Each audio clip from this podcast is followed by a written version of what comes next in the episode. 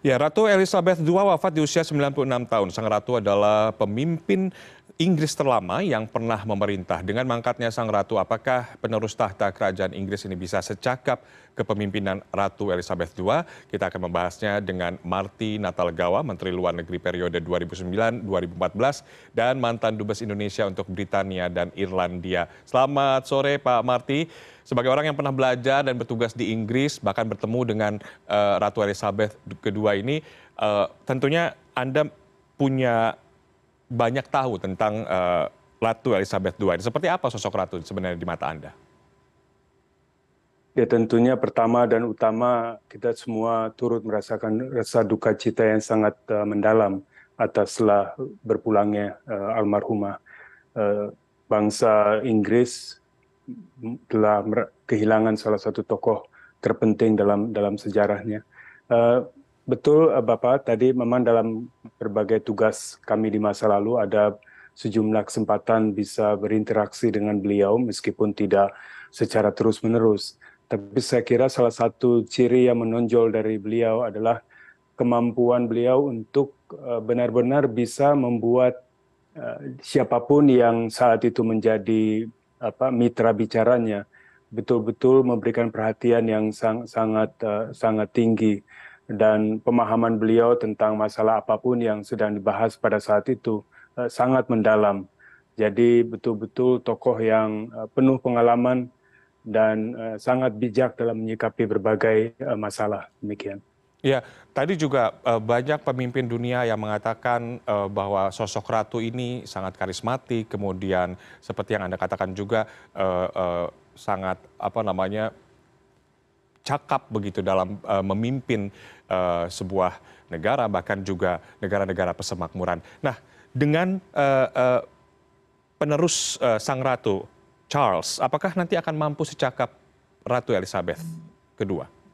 Saya, saya kira tentu masing-masing uh, kepala negara ada uh, apa sifat dan cara pendekatannya yang yang mungkin berbeda. Namun Inggris selama ini selama 70 tahun uh, di bawah uh, Ratu Elizabeth telah ada beberapa tradisi-tradisi yang saya yakin akan dilanjutkan oleh Raja Charles III. Beliau antara lain sangat peduli tentang masalah lingkungan misalnya sesuatu yang yang selama selama ini beliau tampilkan sebagai salah satu prioritas juga menekankan pentingnya dialog antar uh, agama uh, yang juga uh, sesuatu yang tentunya sangat uh, erat di uh, perhatian Indonesia. Uh, perlu diingat bahwasanya pada tahun 2012 yang lalu Bapak Presiden Republik Indonesia saat itu Bapak SBY mengadakan kunjungan kenegaraan ke Inggris Raya di mana beliau diterima oleh Ratu dan Prince Philip pada saat itu. Jadi antara Indonesia dengan Inggris hubungannya senantiasa diperbaharui, ada komitmen-komitmen di bidang kerjasama uh, di bidang hak asasi manusia misalnya yang senantiasa kita kedepankan. Nah, uh, ini yang menarik juga tadi dari beberapa dialog banyak yang menekankan bahwa apa yang dihadapi oleh uh, Raja Charles III ini nanti adalah bukan hanya isu-isu uh, uh, krusial yang sedang terjadi di belahan dunia, tapi juga dari uh, warga Ing, uh, Inggrisnya sendiri, di mana uh, rakyat Inggris, terutama kaum muda, memandang keluarga kerajaan Inggris ini uh, sudah tidak terlalu uh, berpengaruh begitu dalam kehidupan mereka. Bagaimana Anda melihatnya? Uh, saya kira selama ini kalau kita ingat uh, Ratu Elizabeth II, beliau menjembatani berbagai generasi sebenarnya hmm. dari generasi yang mengalami Perang Dunia Kedua, generasi yang mengalami era Perang Dingin, kemudian proses dekolonisasi, dan kemudian dewasa ini masalah-masalah lain yang menjadi perhatian kita semua lingkungan hidup uh, dan masalah-masalah seperti itu. Jadi saya kira posisi seorang ratu pada saat itu dan saat ini raja itu kan sebenarnya di atas politik tidak secara langsung apa apa mengikuti tidak secara langsung terlibat dalam pelaksanaan pemerintahan melainkan sebagai constitutional monarch.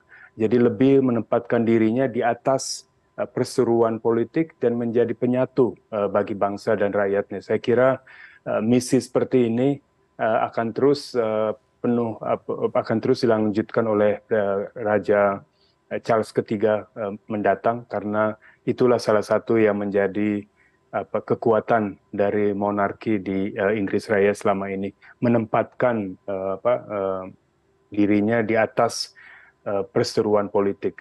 Jadi penyatu bangsanya mungkin. Ya. Uh, wilayah kekuasaan uh, uh, monarki ini kan memang uh, cukup luas ya. Nah dengan wafatnya uh, sang ratu, bagaimana nanti hubungan atau pengaruhnya terhadap negara-negara uh, persemakmuran Inggris? Karena uh, yang menarik dari Inggris adalah uh, negara ini kan tidak memiliki konstitusi yang tertulis, jadi semua berdasarkan convention, konvensi, uh, tata cara dan praktek negaraan yang yang yang ber, apa, ber, disusun selama berpuluhan tahun.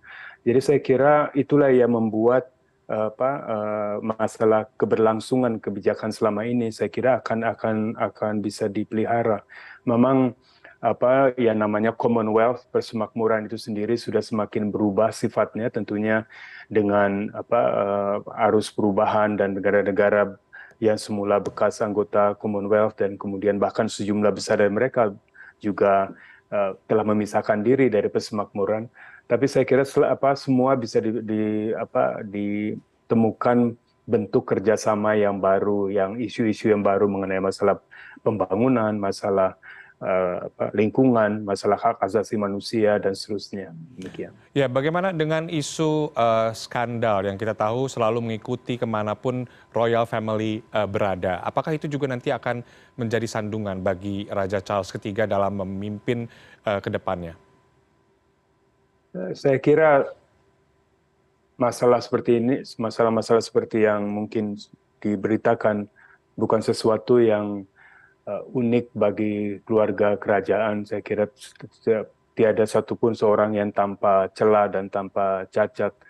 Uh, yang, yang mungkin menjadi tantangan ke depannya adalah bagaimana membuat apa lembaga uh, kerajaan monarki lebih lebih dekat dengan rakyatnya sebagaimana selama ini telah dilakukan oleh Ratu Elizabeth II dan memastikan agar apa seandainya ada gejolak-gejolak dan seterusnya yang harus diatasi eh, kesemuanya itu tidak tidak melemahkan institusi uh, monarki yang selama ini uh, telah telah telah sedemikian kuatnya dan sebagian penting kontribusinya mungkin. Nah, dengan uh, bergantinya penguasa Inggris pasca wafatnya sang ratu, apakah akan ada pengaruhnya bagi hubungan uh, Indonesia Inggris ke depan, Pak Marty? Saya kira kalau hubungan bilateral antara kedua negara seperti Indonesia dan Inggris uh, yang lebih mempengaruhi secara langsung adalah perubahan pemerintahannya, kepala pemerintahannya yaitu seorang perdana menteri misalnya sebagaimana baru terjadi uh, beberapa hari terakhir ini. Kalau perubahan seperti yang kita alami uh, saat ini, uh, ini sesuatu yang hampir unprecedented karena terakhir terjadi 70 eh, tahun yang lalu, baik uh, pada tahun 1992. Jadi saya kira dampaknya tidak akan langsung, tapi seperti tadi kami sampaikan, uh, apa um, Ratu Elizabeth selama uh, kedua menempat memberikan tempat yang penting bagi Indonesia di bidang-bidang tertentu.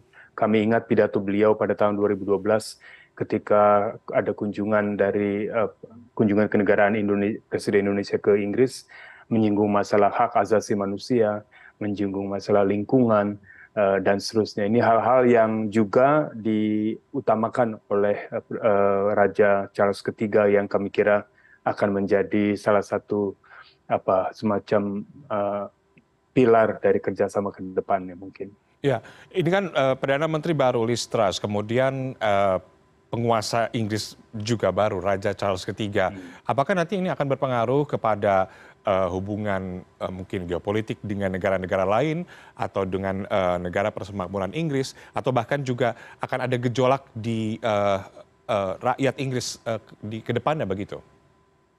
Uh, saya kira tidak tidak harus tidak demikian uh, uh, karena apa semangat uh, atau reaksi yang yang di apa yang terlihat ketika dengan wafatnya Ratu Elizabeth II adalah reaksi yang sifatnya uh, rasa duka cita yang sangat mendalam, semua yang reaksi yang, yang positif. Dan karena masyarakat internasional pada umumnya melihat beliau sebagai sosok yang apa yang yang di atas perseruan uh, politik mungkin.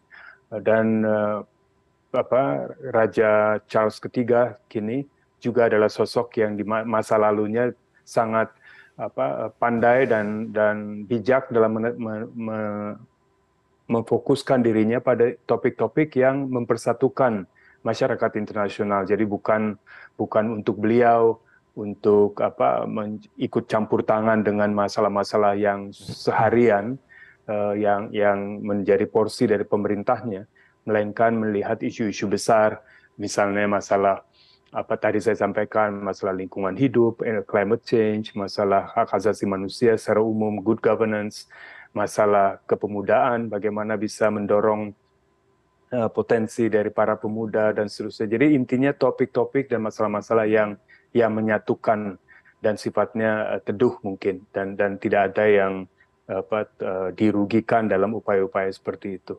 Baik, baik. Terima kasih atas insight-nya Pak Martin Natalegawa dan telah bergabung bersama CNN Indonesia Breaking News uh, kali ini. Salam sehat selalu. Dan CNN Indonesia. Breaking News masih akan kembali sesaat lagi. Tetaplah bersama kami.